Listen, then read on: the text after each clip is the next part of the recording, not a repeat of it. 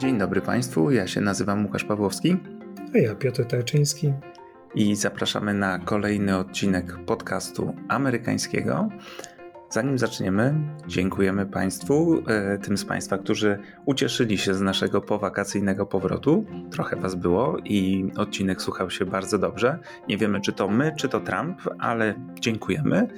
I e, oczywiście szczególnie dziękujemy tym z Państwa, którzy dołączyli do nas e, w serwisie Patronite, a w ostatnim tygodniu byli to Emil, Stanisław, Mateusz, Agnieszka i Marcin. Serdeczne dzięki. To jest odcinek 150. Z tej okazji małe zmiany graficzne, jak Państwo pewnie się zorientowali. Wróciliśmy z nową szatą graficzną, mamy nowe logo podcastu, to znaczy stare, ale troszkę update'owane i nową uprawę naszych filmików na YouTubie. Dajcie znać, co o tym sądzicie. No i mamy w ogóle mm, zmieniony jeszcze profil e, na, w serwisie Patronite, więc tam też można zajrzeć. Piotr dodawał różne grafiki, są różne progi, nowe progi, więc jeżeli to Państwa interesuje, to oczywiście zachęcamy do zajrzenia. To jest patronite.pl ukośnik podcast amerykański ale mamy nadzieję też, że spodoba się nowa Państwu nowa oprawa graficzna podcastu amerykańskiego. Nowa, stara, taka dobra, konserwatywna w tym sensie, że zakorzeniona w tradycji, ale jednak nowoczesna. Tradycja i nowoczesność, prawda? Tak pięknie to. To, to właśnie my.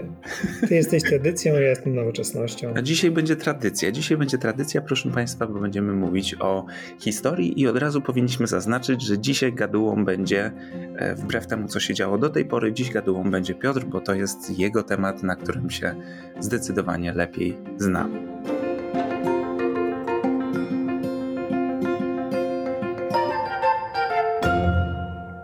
Bo dzisiaj porozmawiamy o 11 września, ale nie o 11 września 2001 roku, bo o tym już mówiliśmy dwa lata temu, tylko y, o 50. rocznicy przewrotu wojskowego w Chile. Bo 11 września 1973 roku chilijskie siły zbrojne pod wodzą generała Pinocheta obaliły prezydenta Salvadora Allende i przejęły władzę na 17 lat. Myślą sobie Państwo, dlaczego będziemy o tym opowiadać? To jest przecież historia Ameryki Łacińskiej. Gdzie tutaj Stany Zjednoczone? Czyżby skończyły im się już tematy amerykańskie i muszą sięgać aż do Ameryki Południowej? Nie, proszę Państwa, nie, tak nie jest. E, mamy tu bardzo silne powiązanie pomiędzy Stanami Zjednoczonymi a Chile, a dokładnie pomiędzy naszymi ulubionymi bohaterami, czyli Richardem Nixonem i przede wszystkim Henrym Kissingerem. W ogóle tutaj muszę wyjaśnić, że ja jestem amerykanistą y, z zamiłowania, ale z y, magisterkę zrobiłem z latynoamerykanistyki i właśnie zajmowałem się dyktaturami wojskowymi w Ameryce Południowej w latach 70., w tym dyktaturą wojskową w Chile. Mm, prowadziłem o tym, na ten temat kiedyś zajęcia na uniwersytecie, bardzo dawno temu, więc y, faktycznie Łukasz będzie musiał mnie pilnować, żebym się za bardzo nie rozgadał. No i żebyś się trzymał Stanów Zjednoczonych, a nie Ameryki Południowej. No ale trochę się nie da. Znaczy, troszkę o Ameryce Południowej też Państwu będziemy musieli opowiedzieć, bo y, na coś ten Henry Kissinger i Richard Nixon y, muszą wjechać, że tak powiem, czy najechać. No.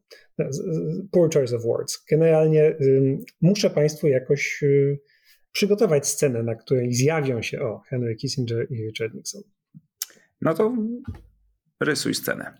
No dobrze, znaczy zacząłbym jeszcze od tego, że wszyscy w Polsce, nie wiem jakie ty masz wrażenie Łukaszu, ale mają jakąś opinię na temat y, Pinocheta i na temat Allendego, chociaż niestety zazwyczaj mało wiedzą i wszyscy się posługują takimi zgranymi czarno-białymi kliszami tak jak Corwin Mikke, dla którego Allende to jest drugi Castro, a Pinochet to jest bohater.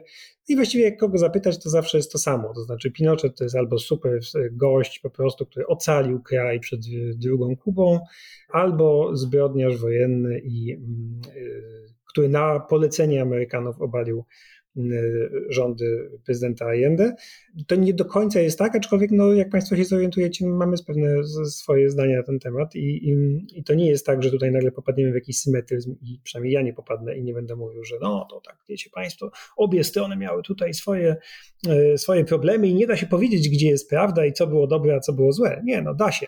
Natomiast... Ale to y, poczekaj, moment, moment. Po pierwsze zwracam Państwa uwagę, że Piotr przyjął, że opinia Korwina Mikke to jest opinia reprezentatywna dla, dla Polaków, no ja bym już z tym polemizował, to po pierwsze, ale po drugie, to nie jest tak, że że tylko poza granicami Chile to jest temat kontrowersyjny, nie? No bo w, samych, w, samym kraju także do tej pory to jest mniej więcej pół na pół, jeżeli chodzi o ocenę tego przewrotu, który dokonał się w 73. Tak, y, o czym 50. rocznica pokazała ostatnio, y, jak y, to wciąż dzieli Chilijczyków. Ale skupmy się na chwilę na, jeszcze w, w Polsce, bo to wynika moim zdaniem z tego, że po prostu bardzo mało wiemy na ten temat. To znaczy w książce, jak Państwo popatrzycie, nie ma zbyt wiele publikacji na temat y, tamtych wydarzeń i w ogóle na temat dyktatur latynoamerykańskich lat 70. i 80. Jest gorączka latynoamerykańska Artura Domosławskiego, którą oczywiście bardzo polecam, ale poza tym no to są tylko jakieś takie publikacyjki, przeważnie prawicowe, które właśnie gloryfikują Pinocheta. Mm, po polsku tak naprawdę jest tylko wydany przez Czarny w 2015 roku Czas Kondora Johna Dingesa y, na temat akcji Kondor, czyli właśnie zorganizowanej akcji latynoamerykańskich dyktatur mordowania swoich przeciwników politycznych nawzajem. Znaczy to była taka międzynarodówka dyktatur, że pomagali sobie. Pomagali sobie nawzajem, jak ty masz mojego dysydenta, a ja twojego, to y, zamordujemy ich krzyżowo. Mm, I tutaj ofiary chilijskie też padły ofiarą y, akcji Kondor. Także w Stanach Zjednoczonych o czym też Państwu opowiemy. Wiesz, mi się wydaje, że w Polsce te opinie to były jednak kształtowane przez to, że Pinochet był postrzegany jako ten, który zrealizował ten ideał wolnorynkowy i w tym sensie był, był no nie wiem czy podziwiany, no ale jakoś... To był podziwiany z całą pewnością. to... Inspirację stanowił, no powiedzmy, ale nie wiem czy to się utrzymuje do tej pory. Myślę, że teraz to jest raczej obojętność, to znaczy mało kto cokolwiek o nim wie, to znaczy to nie jest już ta postać E, z lat no, 80., kiedy był wciąż u władzy. No to wiadomo, no, że... ale też 90. i 2000. Przypominam ci, co się działo, kiedy Pinochet został aresztowany w Londynie. Niektórzy polscy politycy i dziennikarze jeździli do niego do Londynu z, z ryngrafem dziękczynnym za to, że uratował Chile przed e, komunizmem. E, znowu zdradzając to, jak mało wiedzą na temat historii. I to wciąż był temat wtedy. Kim jest Pinochet? Czy to jest bohater, czy, czy zbrodniarz. No dobrze, no Henry Kissinger też by pewnie powiedział, że jest bohaterem, który uratował Chile przed komunizmem. No nie wiem, my nie pogadamy z Henrym Kissingerem, chociaż byśmy mogli, chociaż, bo on jest właściwie ostatnią postacią y, z takiej wierchuszki, która pamięta tamte wydarzenia i która w nich uczestniczyła dość aktywnie, ale Henry Kissinger z pewnego powodu bardzo nie lubi rozmawiać o Chile i bardzo tego ten temat irytuje. Zaraz Państwu powiemy czemu. No właśnie, no bo z jednej strony mówisz, że mało wiedzy, ale z drugiej strony w Stanach Zjednoczonych już w 1975 roku powstaje raport, który mówi, tak, Amerykanie byli zaangażowani w Chile i to mocno, y, i to wydawali tam potężne pieniądze, i zaangażowane były amerykański, był amerykański wywiad. I to nie jest raport jakiegoś tam, nie wiem, lewicującego think tanku, tylko to jest raport Senackiej Komisji, słynnej komisji Churcha od nazwiska senatora demokratycznego z Idaho. Jak Państwu opowiadamy o tych y, procesach, które doprowadziły na przykład do utraty zaufania do państwa, to był Wietnam, to był Pentagon Papers, i, i jak gdyby odkrycie, że władza kłamie na temat prowadzonej polityki zagranicznej, no to komisja Churcha i raport Churcha to jest jeden z tych e, elementów, które także się przyczyniły do tego, że Amerykanie coraz sceptyczniej patrzyli na to, co im e, rząd mówi. Tak, no komisja też powiedzmy sobie była ponadpartyjna, znaczy obu, dwupartyjna i wprawdzie e, szefem był demokrata Church, ale zasiadał tam na przykład Barry Goldwater, czyli no, najważniejszy z amerykańskich konserwatystów. I ten raport jest dostępny online, y, można sobie zajrzeć. Mm, cały rozdział poświęcony jest właśnie działaniom Stanów Zjednoczonych w Chile w latach 1963-1973. Mm, jest też książka y, The Pinochet File, y, udziale Stanów Zjednoczonych w przewrocie wojskowym, autorstwa Petera Kornblucha, który jest szefem takiego, takiego NGO-su, takiego think tanku National Security Archive, takiego NGO-su tak, na Waszyngtońskim Uniwersytecie Georgetown, który zajmuje się dokumentowaniem materiałów odtajnionych w ramach Freedom of Information Act. To jest taka ustawa z lat 60. i on zajmuje się przede wszystkim Kubą i Chile właśnie. No i tych materiałów jest całe, całe mnóstwo. Ale oni też zabiegają o odtajnienie, prawda? Sądzą się, żeby te materiały, które jeszcze są ukryte e, czy utajnione, zostały stały się jawne. I to jakby jest ciągły proces. Teraz dosłownie parę tygodni temu, przed 50. rocznicą, udało się na przykład wymóc na rządzie amerykańskim odtajnienie dwóch notatek prezydenckich z, no dokładnie z 11 września i bodajże z, z 9 września 1973, notatek dla prezydenta Nixona, o których Państwu jeszcze powiemy. Wciąż niektóre rzeczy są utajnione, ale bardzo, bardzo dużo już wiadomo. I skupimy się właśnie na roli Stanów Zjednoczonych, powiemy, jaką rolę odegrały w tym, w tym przewrocie wojskowym, no bo popularna narracja mówi, że to Stany Zjednoczone obaliły Allendego. Czy to jest prawda? Czy to rzeczywiście tak było?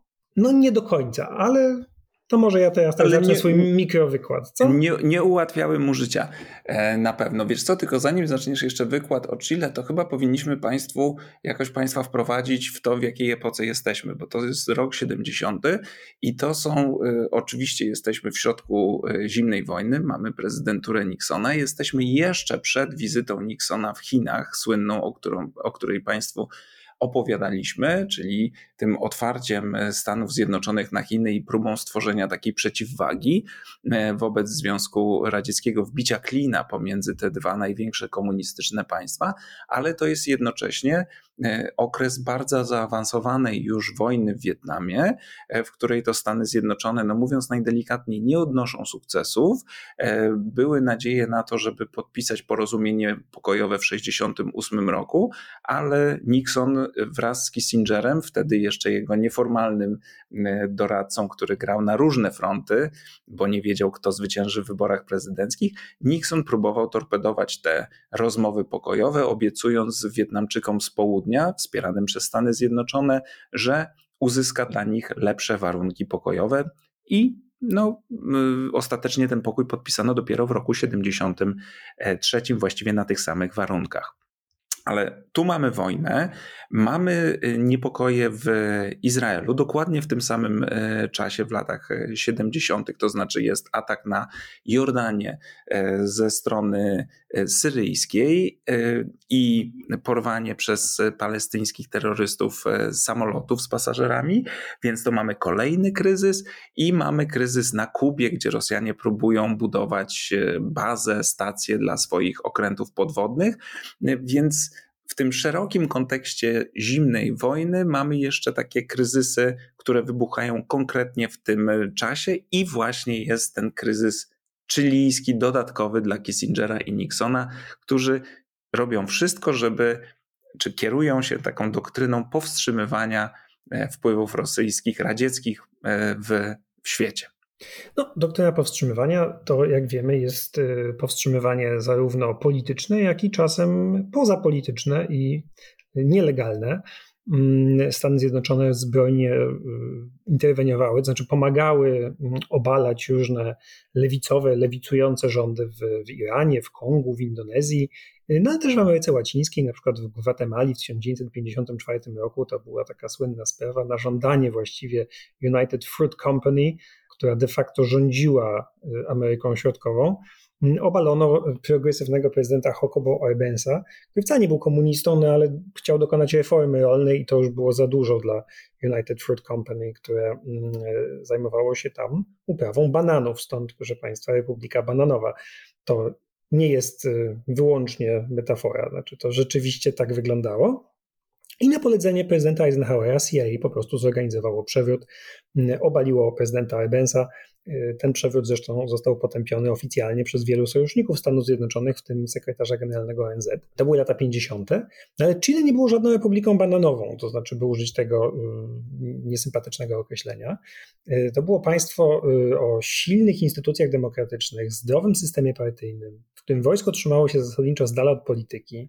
Sam ambasador amerykański pisał, że to jest spokojny, demokratyczny kraj o silnych instytucjach, ale Stany Zjednoczone też skupiały się na Chile, dlatego że wszędzie tam, gdzie lewica mogła wygrać wybory, Stany Zjednoczone próbowały to lewicy uniemożliwić. No lewica, no taka radyka, uznawana za radykalną lewicę, to znaczy w Europie takim krajem były Włochy, gdzie silna była partia komunistyczna, oczywiście także we Francji, no ale chodziło o to, żeby e, komuniści nie no, nie rozszerzali swoich wpływów, e, to raz, a paradoksalnie to już najgorzej by było, jakby zostali wybrani do władzy, no bo to jest, jak jeszcze ktoś wejdzie z bronią i, i wtedy obali e, demokrację, no to, to można powiedzieć, że to jest wbrew woli społeczeństwa, bo tak by było.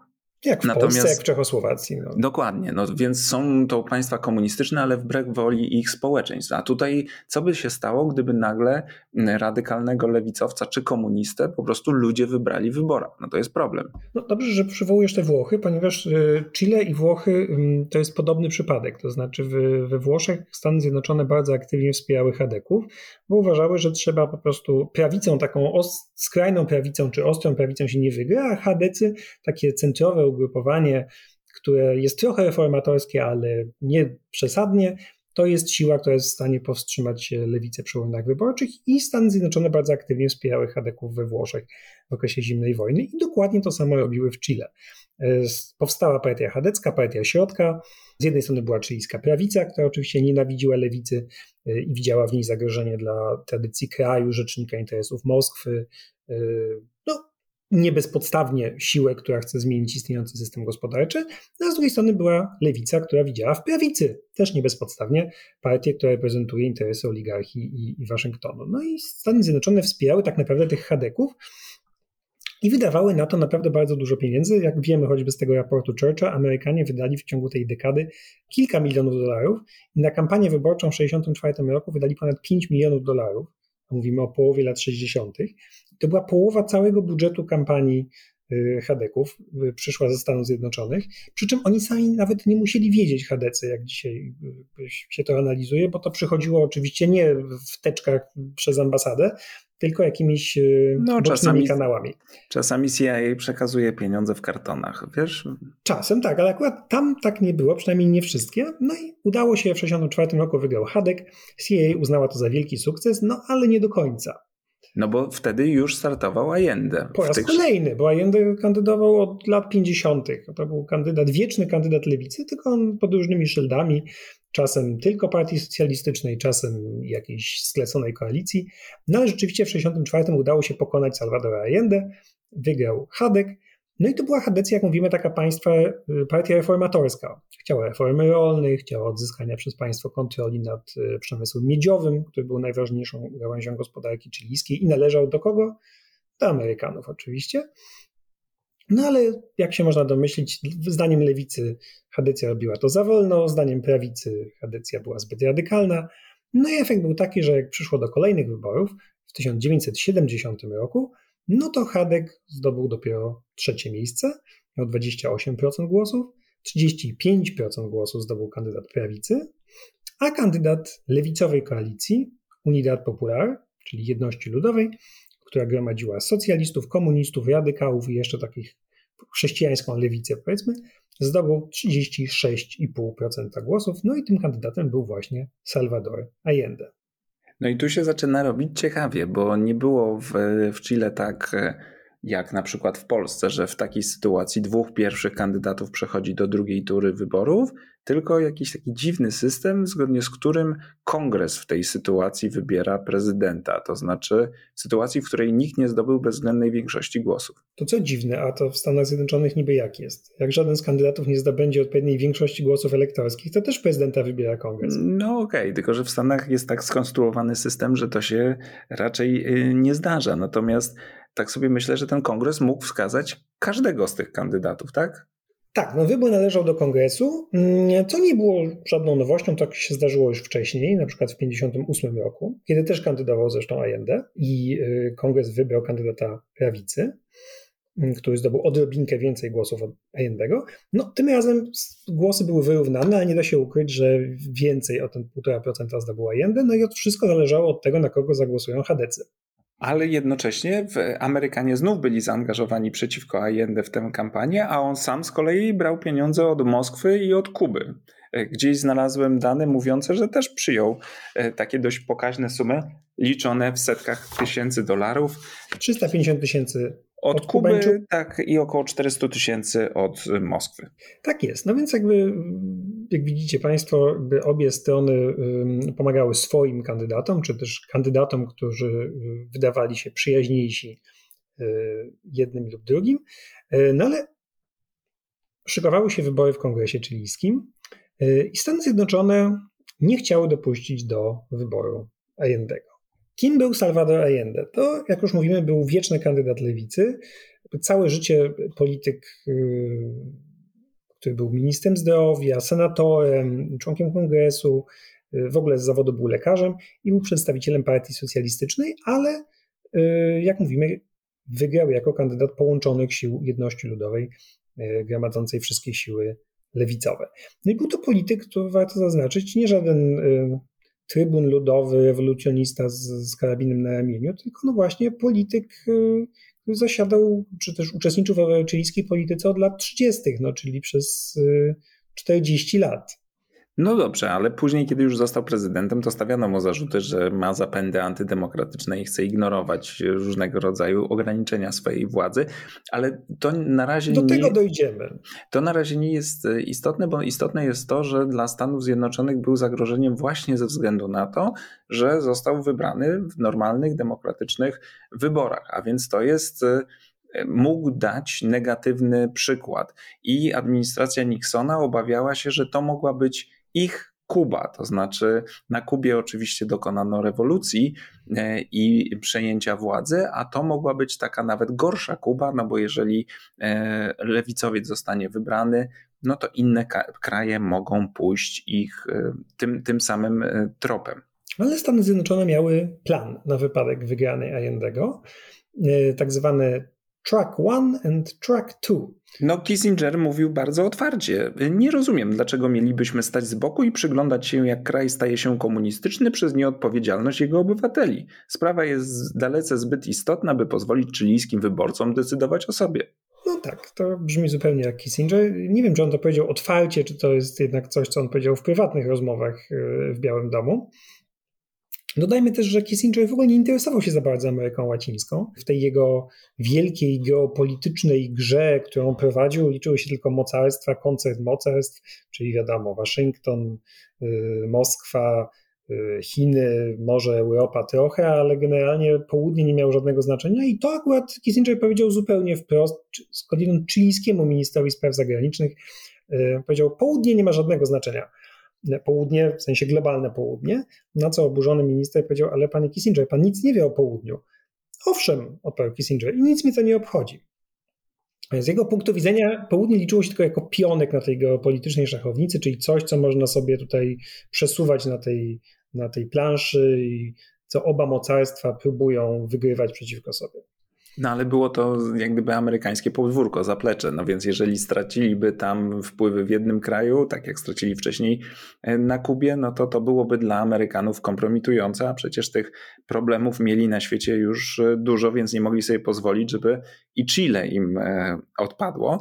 No i właśnie stąd ten pomysł, kiedy Allende zostaje wybrany, zwycięża, no to pojawiają znaczy, się... jeszcze nie zostaje wybrany, tylko zwycięża w wyborach, pojawiają się te dwie ścieżki. Tak, bo mają, ma być głosowanie w e, kongresie, w związku z tym dwie ścieżki: track one, track two. No i jedynka to jest próba zablokowania wyboru Allendego właśnie w kongresie, a dwójka. Czyli próba przekonania Hadeków, żeby zagłosowali no, za kandydatem prawicy. Prze, przekupienia, przekonania. A, a druga to jest próba dokonania zamachu stanu już e, w tym roku 70.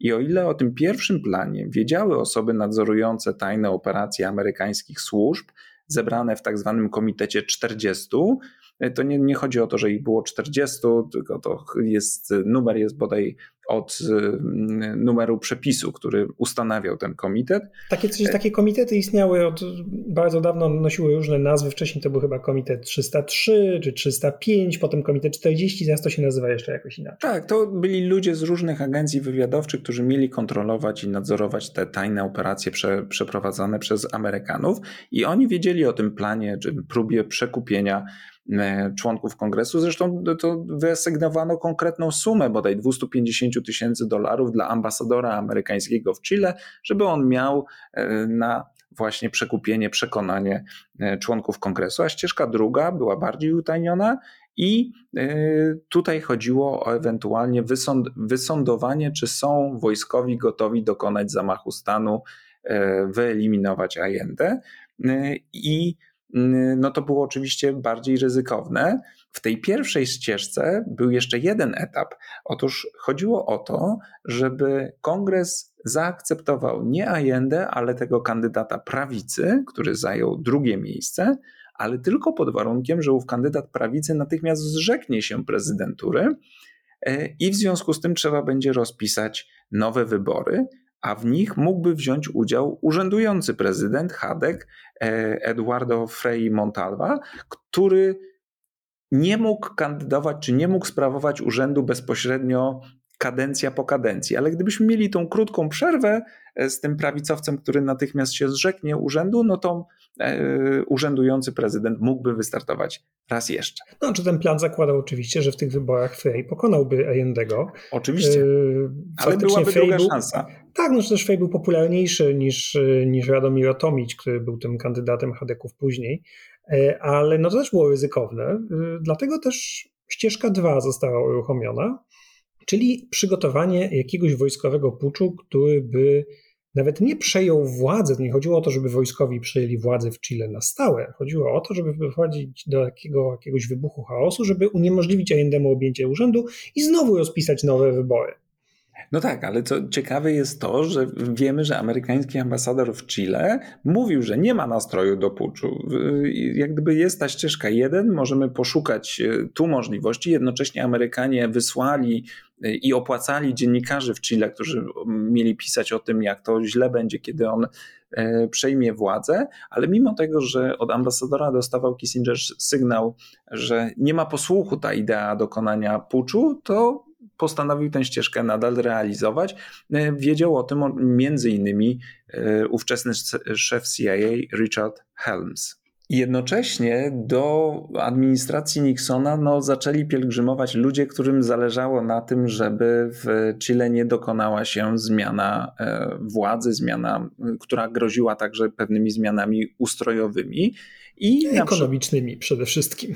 Tak jest. Y, między innymi w gabinecie y, Nixon i Kissinger spotykali się z chilijskim magnatem prasowym, który miał taką gazetę El Mercurio, która również była przez Stany Zjednoczone w, wspierana.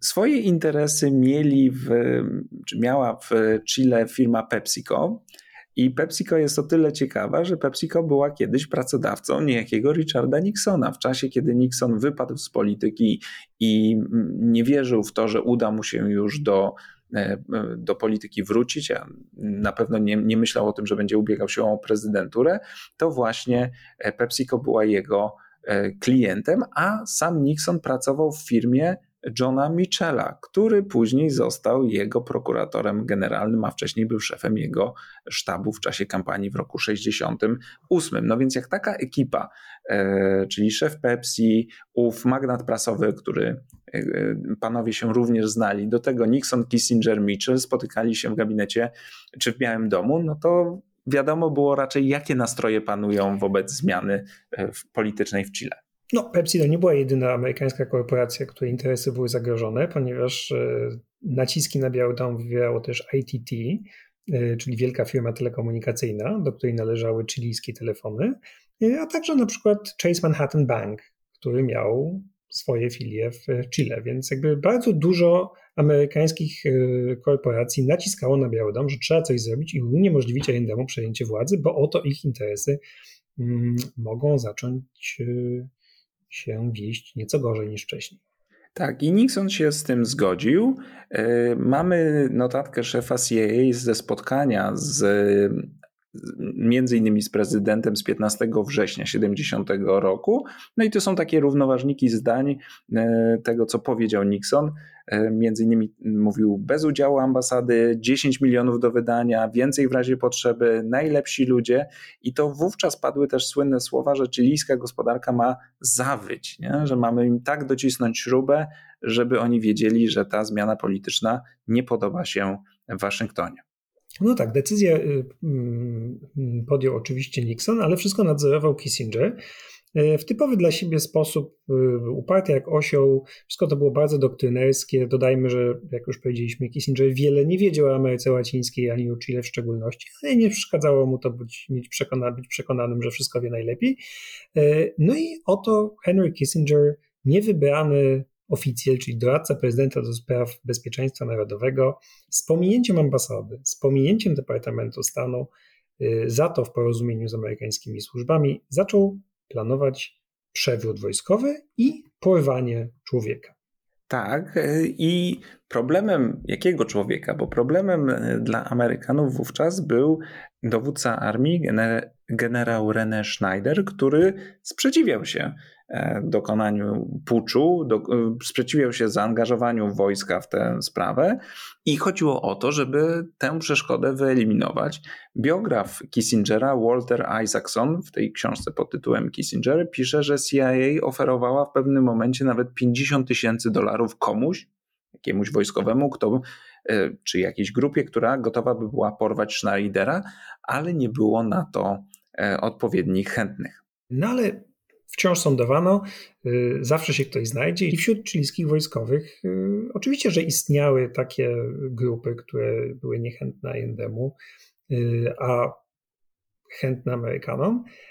No i wreszcie udało się znaleźć grupę wojskowych, która, która zgodziła się dokonać no właśnie, próby zamachu stanu.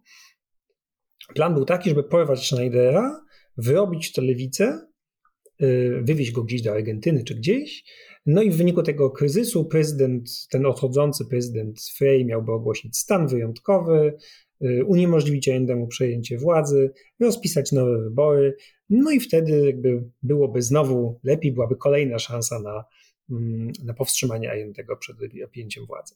Bo Frey, z tego co czytałem też w biografii Kissingera, nie chciał się zgodzić na ten plan pierwszy, polegający na tym, żeby wprowadzić krótkotrwałego prezydenta prawicowego, później go odwołać, czy on sam by zrezygnował i wtedy Frey jeszcze raz mógłby wystartować. Nie chciał w to wejść. No bo Chile, jak powiedzieliśmy, nie było republiką bananową, miały silne instytucje demokratyczne i jak widać, no, odchodzący prezydent nie chciał się przychylić do nacisków Amerykanów, żeby wprowadzać stan wyjątkowy. Szef e, głównodowodzący sił e, zbrojnych był konstytucjonalistą i nie chciał zaangażowania e, armii w politykę.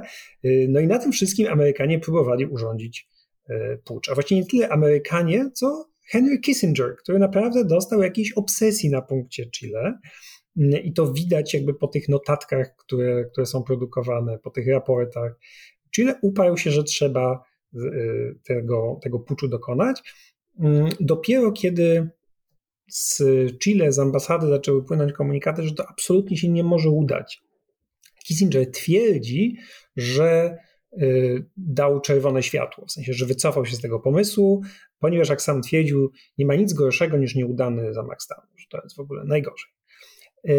No ale czy tak do końca było, to nie wiemy, dlatego że CIA wciąż współpracowała z, tymi, y, z tą prawicową frakcją w, w łonie chilijskiej armii, wysłała trochę sztuk broni y, spiskowcom, no i efekt był taki, że do tego porwania ostatecznie doszło. Za trzecim razem udało się porwać generała Schneidera, ale w czasie tej próby porwania Schneider zaczął się bronić, no i został zastrzelony. Y, no i to przyniosło zupełnie efekt odwrotny do tego, o jaki chodziło Amerykanom, to znaczy y, oburzenie było tak wielkie, że Chadecy poparli Allendego w, w parlamencie w czasie głosowania, no i Allende został wybrany przez kongres na prezydenta i zaprzysiężony w listopadzie 1970 roku. No i właśnie, no i oficjalnie Stany Zjednoczone uznają ten wybór.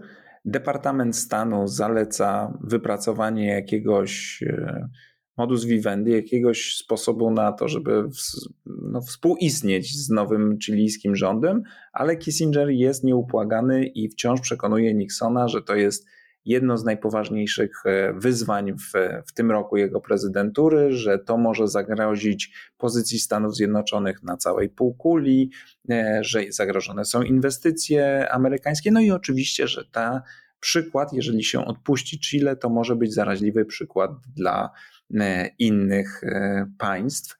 No i Chile miało być nową Kubą, zagrożeniem dla całych Stanów Zjednoczonych, no i oczywiście dla samego Nixona.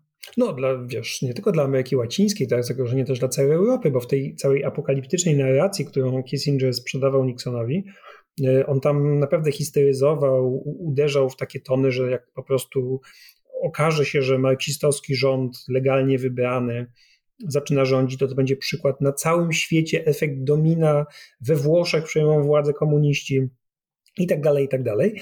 E, to co oczywiście ciekawe, że po prostu cała ta teoria domina, która nie sprawdziła się w przypadku Wietnamu, jak wiemy, bo to też było tak, że musimy być zaangażowani w Wietnamie, bo jak tutaj odpuścimy, no to to już po prostu wszystko się posypie i apokalipsa, przy czym, jak wiemy, było dokładnie odwrotnie.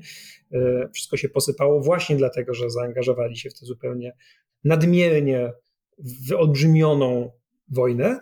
Mm, I, I to samo było z Chile. To znaczy, ta obsesja Kissingera na punkcie Chile, który sobie wmówił, że Chile jest jakąś nową Kubą i e, od tego zależy przyszłość świata, mm, no doprowadziło do tego, do, do czego doprowadziło trzy lata później. No dobrze, ale to też tylko powinniśmy chyba zaznaczyć, że to nie było tak, że tylko i wyłącznie administracja Nixona dbała o amerykańskie interesy w Chile, bo tak jak powiedziałeś wcześniej, już e, jak Allende dochodził do władzy, no to główny mm, jak gdyby takie koła zamachowe chilijskiej gospodarki były w rękach amerykańskich firm i duże amerykańskie firmy miały tam swoje interesy. To, to nie jest też tak, że, że sam Kissinger sobie wszystko wymyślił. Amerykanie mieli tam swoje biznesy. Nie, no to kwestia biznesowa. Oczywiście, że w to wszystko też wchodziła i myślę, że ITT i Chase Manhattan Bank przejmowały się nie geopolityczną układanką, tylko swoimi interesami w Chile po prostu. Czy przede wszystkim firmy miedziowe, do których należały kopalnie w, w Chile. Y, ale też dodajmy, że zmiana gospodarcza w Chile zaczęła się już za Hadeków. To znaczy, było jasne też dla rządu amerykańskiego już w latach 60., że tak jak jest, być nie może i że jakieś zmiany ekonomiczne muszą nastąpić. I rządy Freya to był początek właśnie y, zmian, na przykład właśnie nacjonalizacji tej, y, tej miedzi chilijskiej. No tak, ale to Allende szedł do wyborów z obietnicą całkowitej nacjonalizacji tych firm, co zresztą zrobił.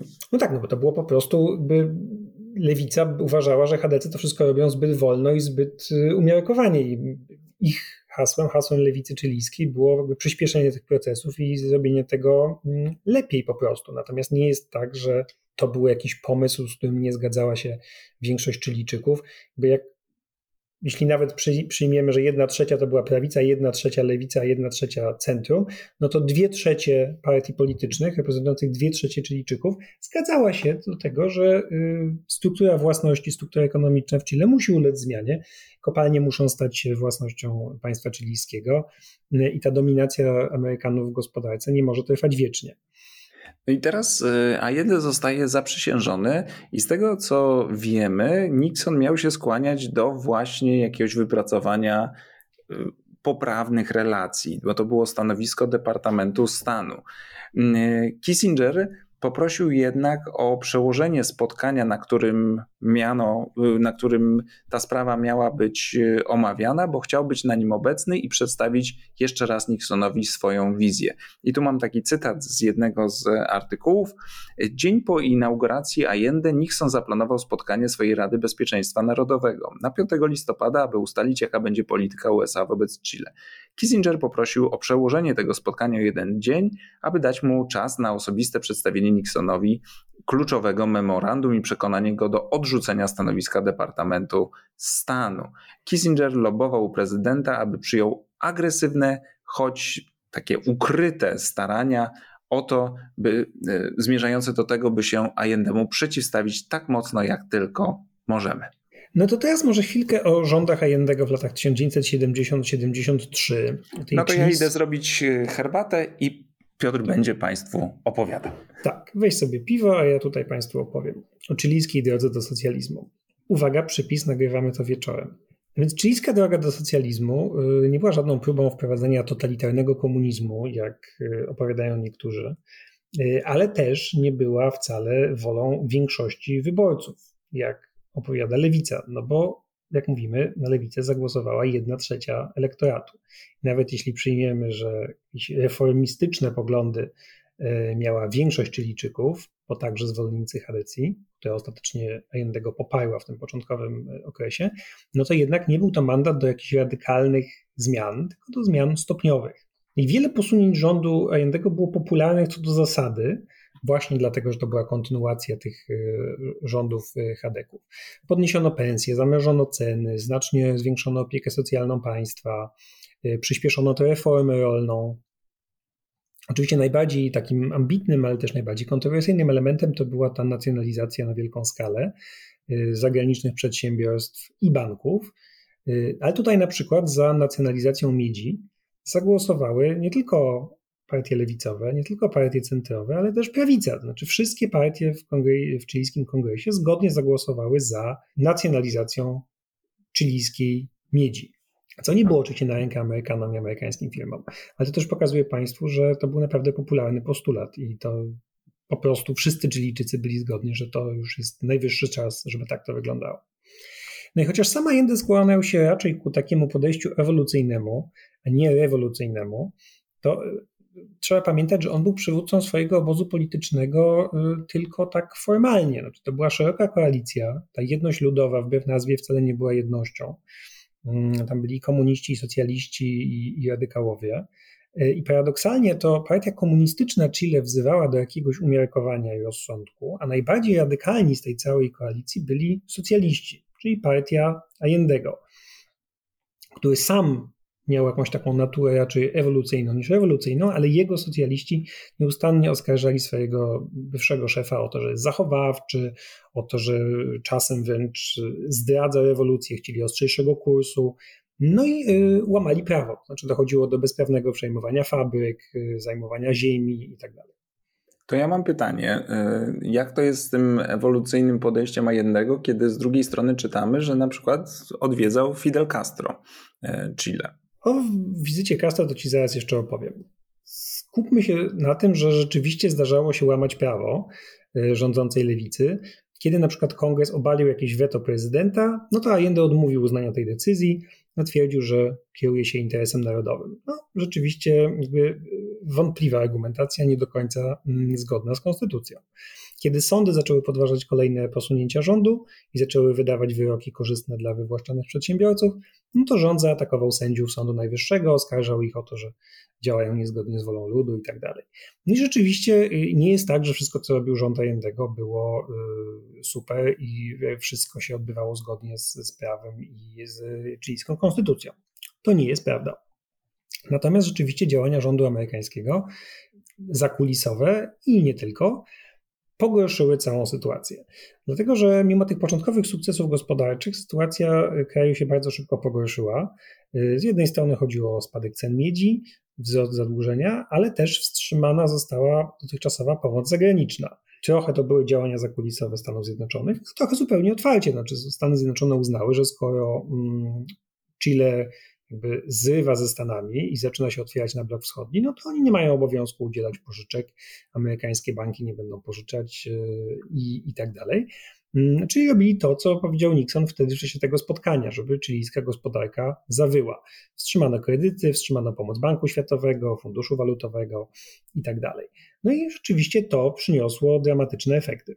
I jeszcze, to jest akurat ciekawe, że ten lewicowy rząd miał kłopoty ze związkami zawodowymi, bo Amerykanie wspierali niektóre związki zawodowe, na przykład Związek Kierowców e, Ciężarówek, w tym, żeby, znaczy w ich strajkach, a kiedy strajkują kierowcy ciężarówek w kraju takim jak Chile, który liczy 4000, ponad 4200 kilometrów, no to bez ciężarówek komunikacja, transport, zaopatrzenie, wszystko staje. Oczywiście, no akurat ten strajk kierowców był bardzo istotny i rzeczywiście był paraliżujący dla kraju, y, ale też wiemy, że w, w tym strajku związek ten zawodowy był finansowany przez CIA, przez amerykańskie służby. Y, szacuje się, że wydano w tym czasie na pomoc dla przeciwników Allendego w Chile jakieś 8 milionów dolarów, y, na przykład dla gazety El Mercurio, której już Łukasz wspominał, która po prostu źle pisała o rządach jedności ludowej, około półtora miliona dolarów. Mm, no i efekt był taki, że to wszystko zaczęło zbierać swoje żniwo, wzrosła inflacja, pojawiły się braki w sklepach, rozwinął się czarny rynek, klasa średnia e, wyszła na ulicę Santiago e, strajkować, to był taki marsz pustych garnków. No więc rząd lewicowy zaczął się skłaniać ku współpracy z blokiem komunistycznym. I tutaj pojawia się Fidel Castro. Y, faktem jest, że Związek Radziecki i Kuba wspierały kampanię Allendego wcześniej, w 1970 roku, y, no ale nie aż tak, jak przedstawiają to zwolennicy prawicy. Znaczy, to nie jest tak, że rząd Allendego chodził na pasku po prostu Moskwy i dostawał od nich mnóstwo pieniędzy, wręcz przeciwnie. Mm, po pierwsze, relacje ze Związkiem Radzieckim to odmroził jeszcze poprzedni rząd, rząd Hadeków, a Chile chociaż szukało pomocy finansowej w Moskwie, chociaż z drugiej strony, no co miało robić, skoro skończyły się kredyty z, z Ameryki, z, z Waszyngtonu, no to Moskwa wcale nie była taka chętna, żeby udzielać pomocy. Y, Castro faktycznie odwiedził Chile w 1971 roku. No to była dość długa wizyta. Y, zresztą jednym z generałów, któremu po stronie chilijskiej, którzy towarzyszyli y, Castro w zwiedzaniu kraju, był generał Pinochet, wtedy mm, dowódca jednego z garnizonów, nowo mianowany przez Allendego na, na stanowisko generalskie. E, I Castro, jak wiemy, był średnio zadowolony z tej drogi, którą obrał Allende. Uważał, że to jest trochę zbyt właśnie zachowawcze, że no wszystko pięknie i fajnie towarzyszyło, ale jakby nie dość dobrze. Natomiast zostawił faktycznie Allendemu, podarował mu yy, karabin, który ten karabin jeszcze w tej opowieści wróci. Spór polityczny przeniósł się powoli na ulicę w Chile. Znaczy obie strony zaczęły mobilizować swoich zwolenników, żeby zademonstrować poparcie. W 72 w sierpniu mniej więcej doszło do pierwszych starć takich między prawicą a lewicą i z czasem użycie siły i przemocy stało się normą, zwłaszcza, że wykształciły się takie no, dość agresywnie y, i skrajne bojówki. Z jednej strony lewicowa MIR, z drugiej strony prawicowa, taka dość mocno faszyzująca Patria i Libertad, czyli ojczyzna i wolność. Mm, no i kontrola obu obozów nad tymi właśnie zradykalizowanymi zwolennikami była coraz słabsza i, aż wreszcie zupełnie wyparowała. Znaczy, to nie jest tak, że Allende kontrolował mir albo że y, chilijska prawica kontrolowała y, tę faszyzującą Patria i Libertad. Konflikt napędzały oczywiście media, szczególnie te opozycyjne gazety. Rząd oczywiście w odpowiedzi próbował uciszać te gazety. Pojawiały się oskarżenia o cenzurowanie mediów odbierał zamówienia publiczne, odmawiał koncesji, wytaczał procesy. Jakby cały ten konflikt się napędzał, ale w marcu 1973 roku, i to jest ważne, odbyły się wybory. Normalne wybory parlamentarne. To była taka walka o wszystko, że obie strony chciały wygrać, żeby zademonstrować, że to one mają poparcie większości Chilijczyków. I Amerykanie oczywiście finansowali opozycję w, w dużej, całkiem sporymi kwotami, no ale Zong wygrała jedność ludowa w tych wyborach i znowu wygrała, ponieważ zajęła pierwsze miejsce, ale więcej głosów w sumie dostała cała opozycja. KODE się nazywało, Konfederacja na Rzecz Demokracji.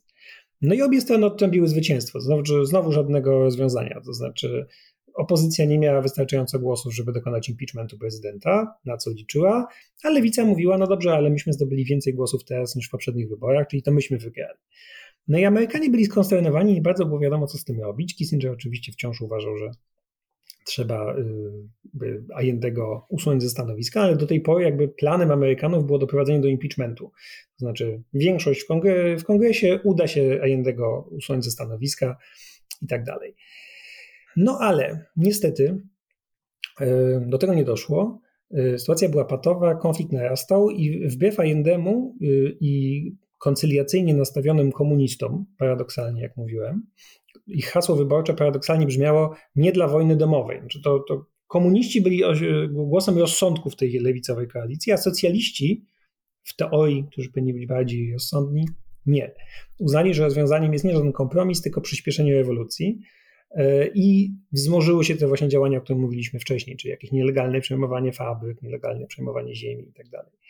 Mm, próby jakiegoś kompromisu to znaczy porozumienia między socjalistami Allendego, czyli obozem Allendego powiedzmy, i Hadekami, mm, które y, zorganizował Kościół katolicki, zakończyły się fiaskiem. Jedynym kompromisem, na jaki się zgodzono, było wejście do rządu wojskowych. Znaczy uznano, że jeśli kilka stanowisk ministerialnych obejmą generałowie, no to będzie to jakaś gwarancja stabilności, bo jak mówimy, wojskowi byli do tej pory taką apolityczną siłą, która nie mieszała się zanadto do, do polityki. Sęk w tym, że i CIA i Pentagon, jak doskonale wiemy, miały kontakty z wojskowymi, choćby od czasów tego nieszczęsnej próby puczu w 70 roku.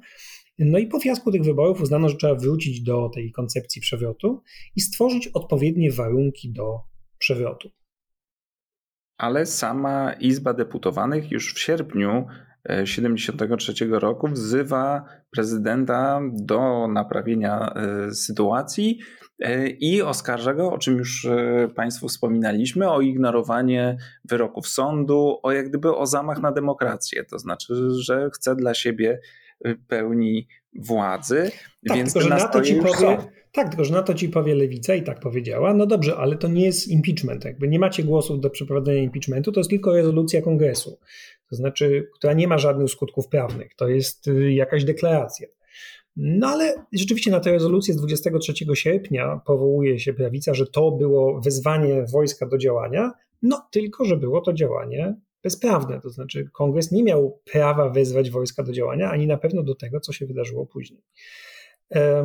No i teraz dochodzimy do tego, czy Stany Zjednoczone rzeczywiście zorganizowały ten przewrót. To jest znowu problemem był kolejny generał, który zajmował stanowisko szefa y, sił zbrojnych, generał Prats, Carlos Prats, który też był konstytucjonalistą i też nie chciał mieszania się wojska do polityki.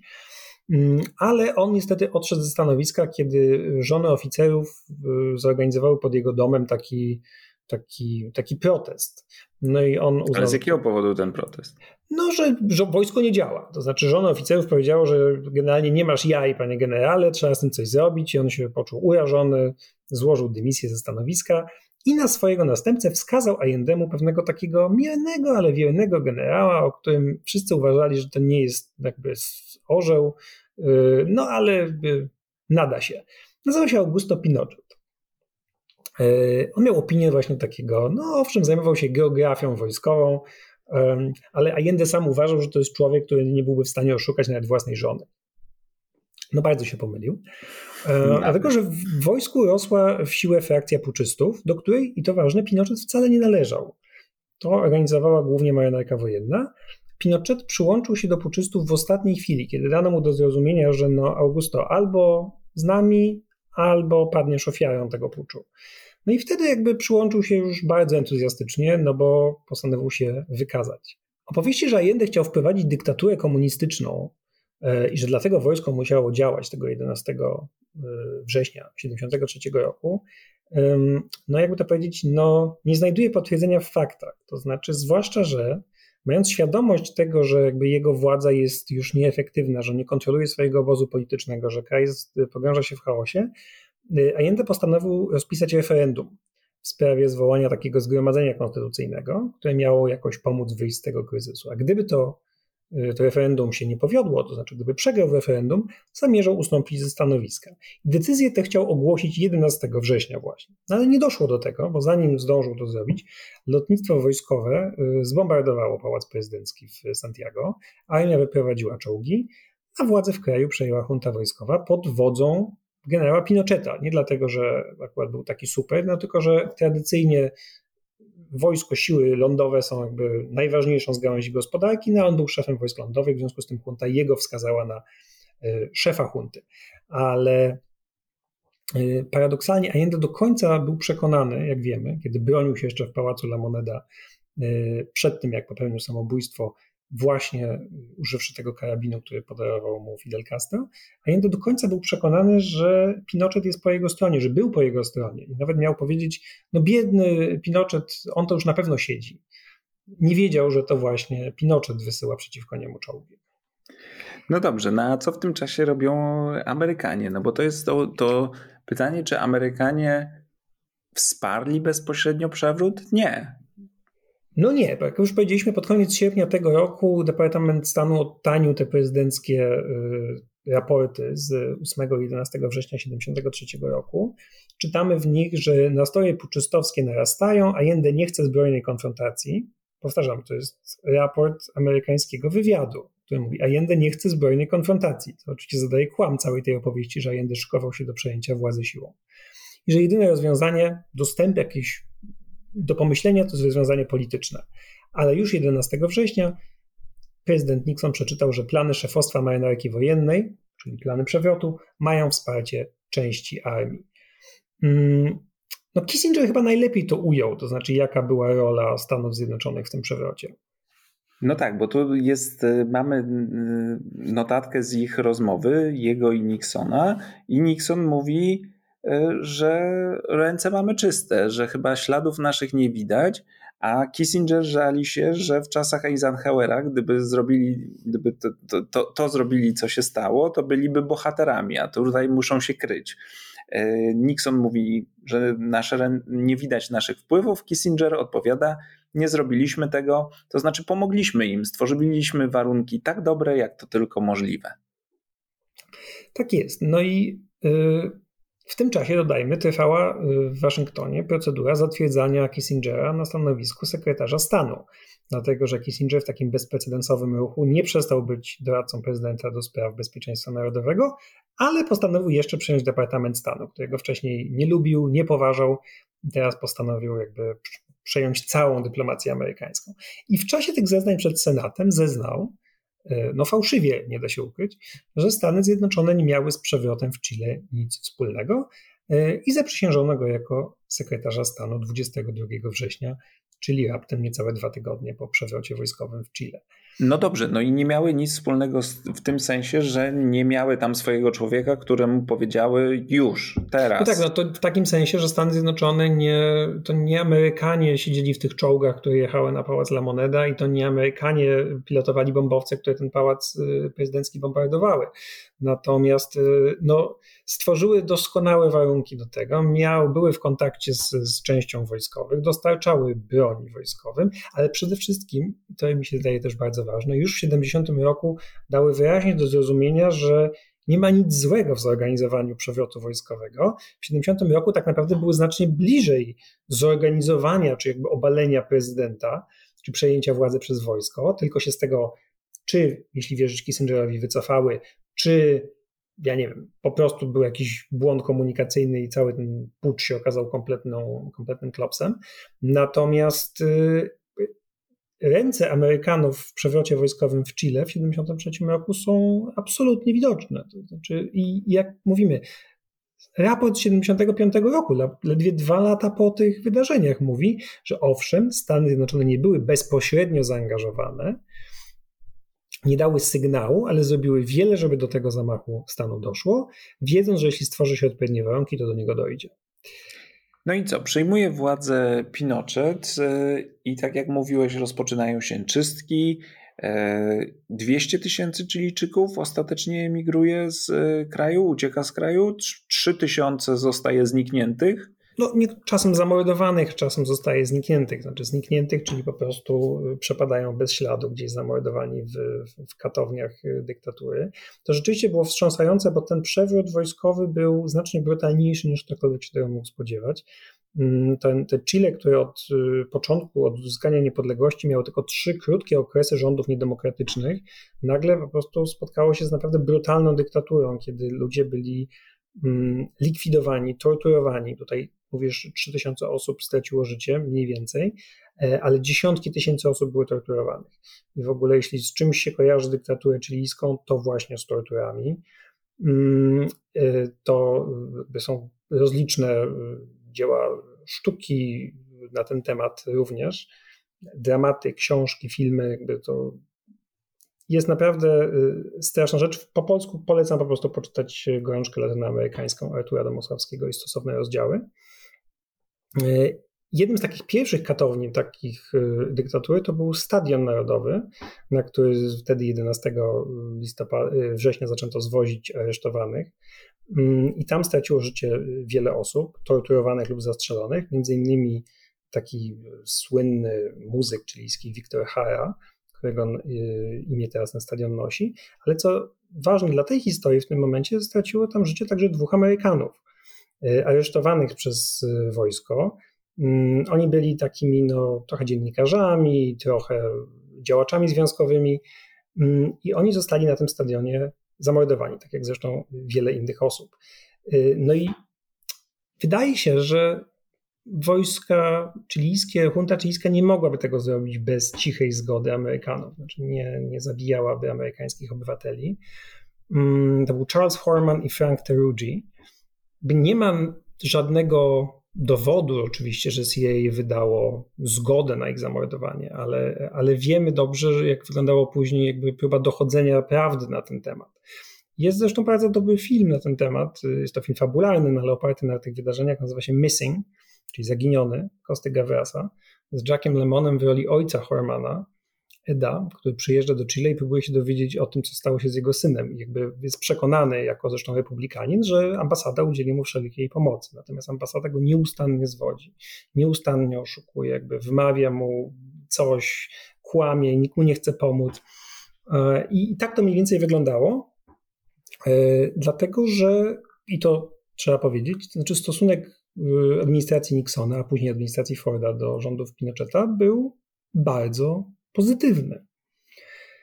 To znaczy e- chodziło o to, że to są lepsze rządy, niezależnie od tego, co złego robią u siebie, to i tak są ogólnie dla nas lepsze w tym wielkim planie rzeczy e, niż e, kontynuowanie rządów lewicowych, tak? Cytując Kissingera, musimy zrozumieć, że bez względu na to, jak nieprzyjemnie zachowują się Chilijczycy, nowy rząd jest dla nas lepszy niż rząd Allendego. No właśnie, i później wiemy, że w czerwcu 76 roku odbywa Już za administracji Forda, już Nixon tak, już schodzi ze sceny, prezydentem jest Ford, ale Kissinger wciąż y, rządzi amerykańską dyplomacją.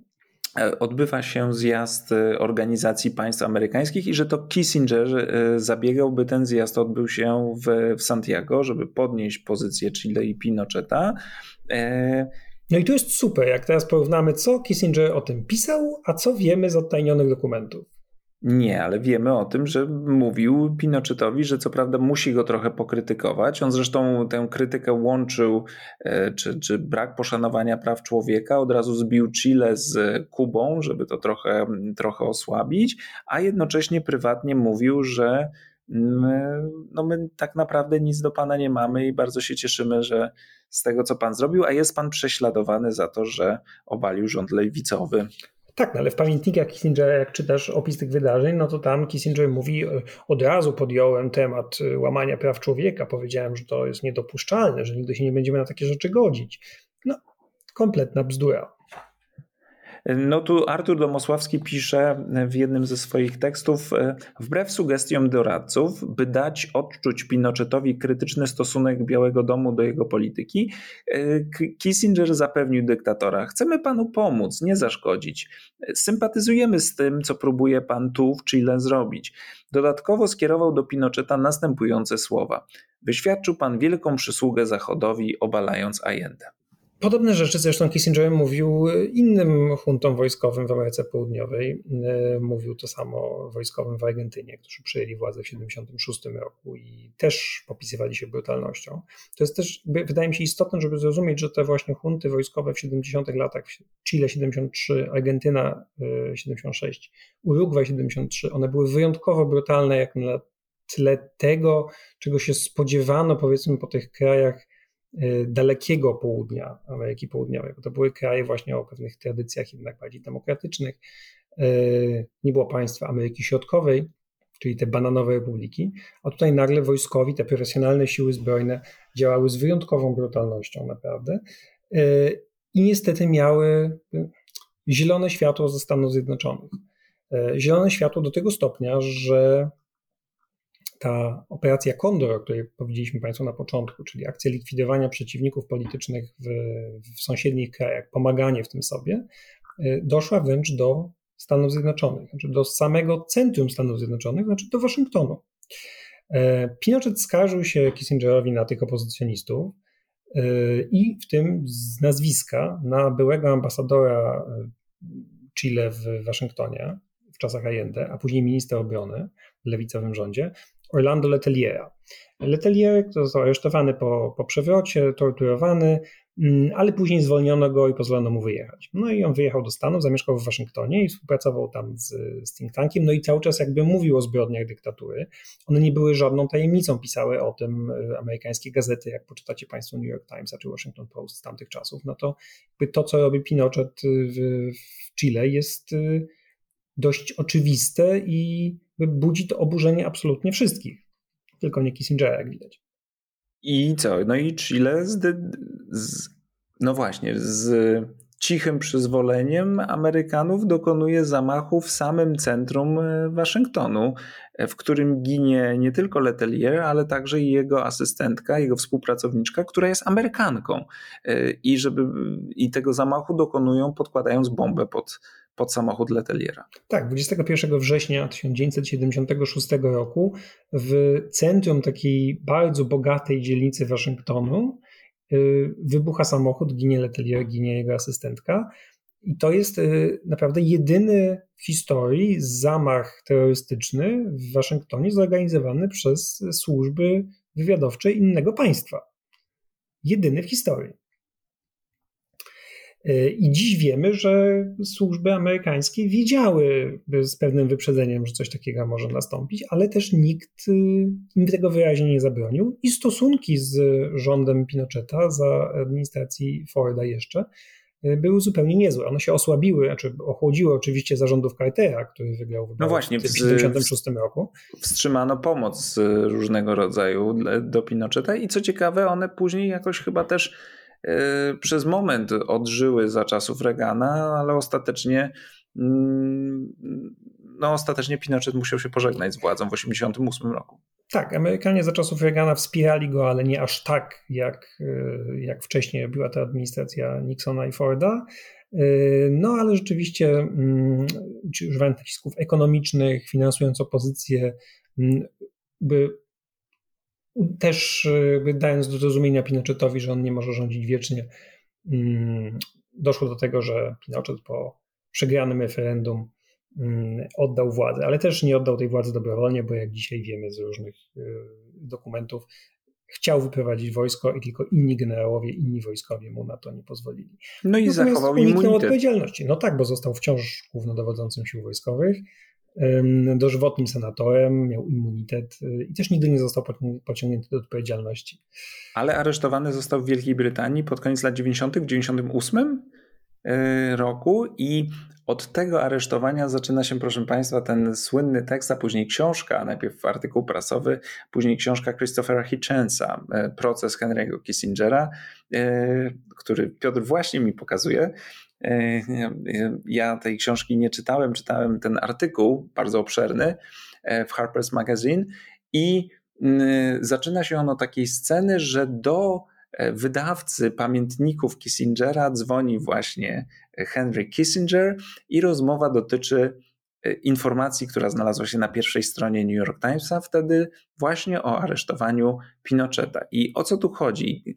Hitchens twierdzi, że, że Kissinger no, jako był na tyle inteligentny, że doskonale wiedział, że aresztowanie Pinocheta stanowi zagrożenie także dla niego i stawia taką tezę, że Kissinger doskonale wiedział, jakie zbrodnie popełnił, no bo te oskarżenia Hitchensa są oczywiście bardzo e, surowe, on go oskarża o zbrodnie przeciwko e, ludzkości e, i e, że to był symbol tego, że Kissinger doskonale zdawał sobie sprawę, że on także może zostać pociągnięty do odpowiedzialności i później Hitchens opisuje nam te jego zdaniem zbrodnie, które Kissinger, za które Kissinger jest odpowiedzialny. Chile, jego udział w tym przewrocie jest jedną z nich. No ale Kissinger, jak wiecie Państwo, wciąż żyje, niedawno obchodził swoje setne urodziny. Mówiliśmy o nim w odcinku 139, czyli nie tak dawno temu, w maju. Zachęcamy do wysłuchania tego odcinka. No właśnie, ale jeszcze jak Państwo sobie przeczytają na przykład w amerykańskiej prasie teksty na temat e, tego, co się stało przed 50 laty w Chile i o zaangażowaniu Amerykanów, to już dziś Nikt nie próbuje negować faktu, że to zaangażowanie miało miejsce, ale wciąż znajdziecie teksty, które mówią, że no, ten przewrót dokonany przez Pinocheta, niezależnie od tego, jak wielkich zbrodni dokonał ten reżim, że zginęli ludzie, że zginęło tysiące ludzi, dziesiątki tysięcy były torturowanych, setki tysięcy musiało opuścić kraj, to wciąż uratował. E, Chile przed y, gorszą alternatywą. Takie teksty y, między innymi w Wall Street Journal można y, było przeczytać z okazji 50-lecia, ale także w tej biografii Kissingera, którą przytaczałem w jakimś momencie, Walter Isaacson napisał, że jak gdyby ten przewrót, on się musiał dokonać.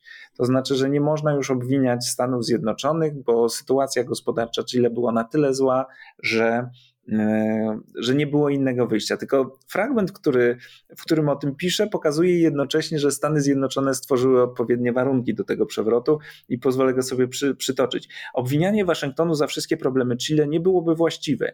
Allende nie był żadnym demokratą. Finansował lewicowe ugrupowania partyzanckie i stworzył niezależną od armii osobistą milicję dozbrajaną przez Kubańczyków przeprowadziwszy powszechną nacjonalizację zakładów przemysłowych, doprowadził do upadku gospodarki. Waszyngton nie brał udziału w zamachu stanu z 1973 roku, który zakończył się pozbawieniem Allende władzy i jego śmiercią. Nie było już wtedy takiej potrzeby. Polityka Salvadora Allende, połączona z sankcjami ekonomicznymi ze strony USA, stworzyła atmosferę, w której zamach był nieunikniony. I co pan na to, panie Piotrze? No to musiałbym kolejną godzinę państwu opowiadać.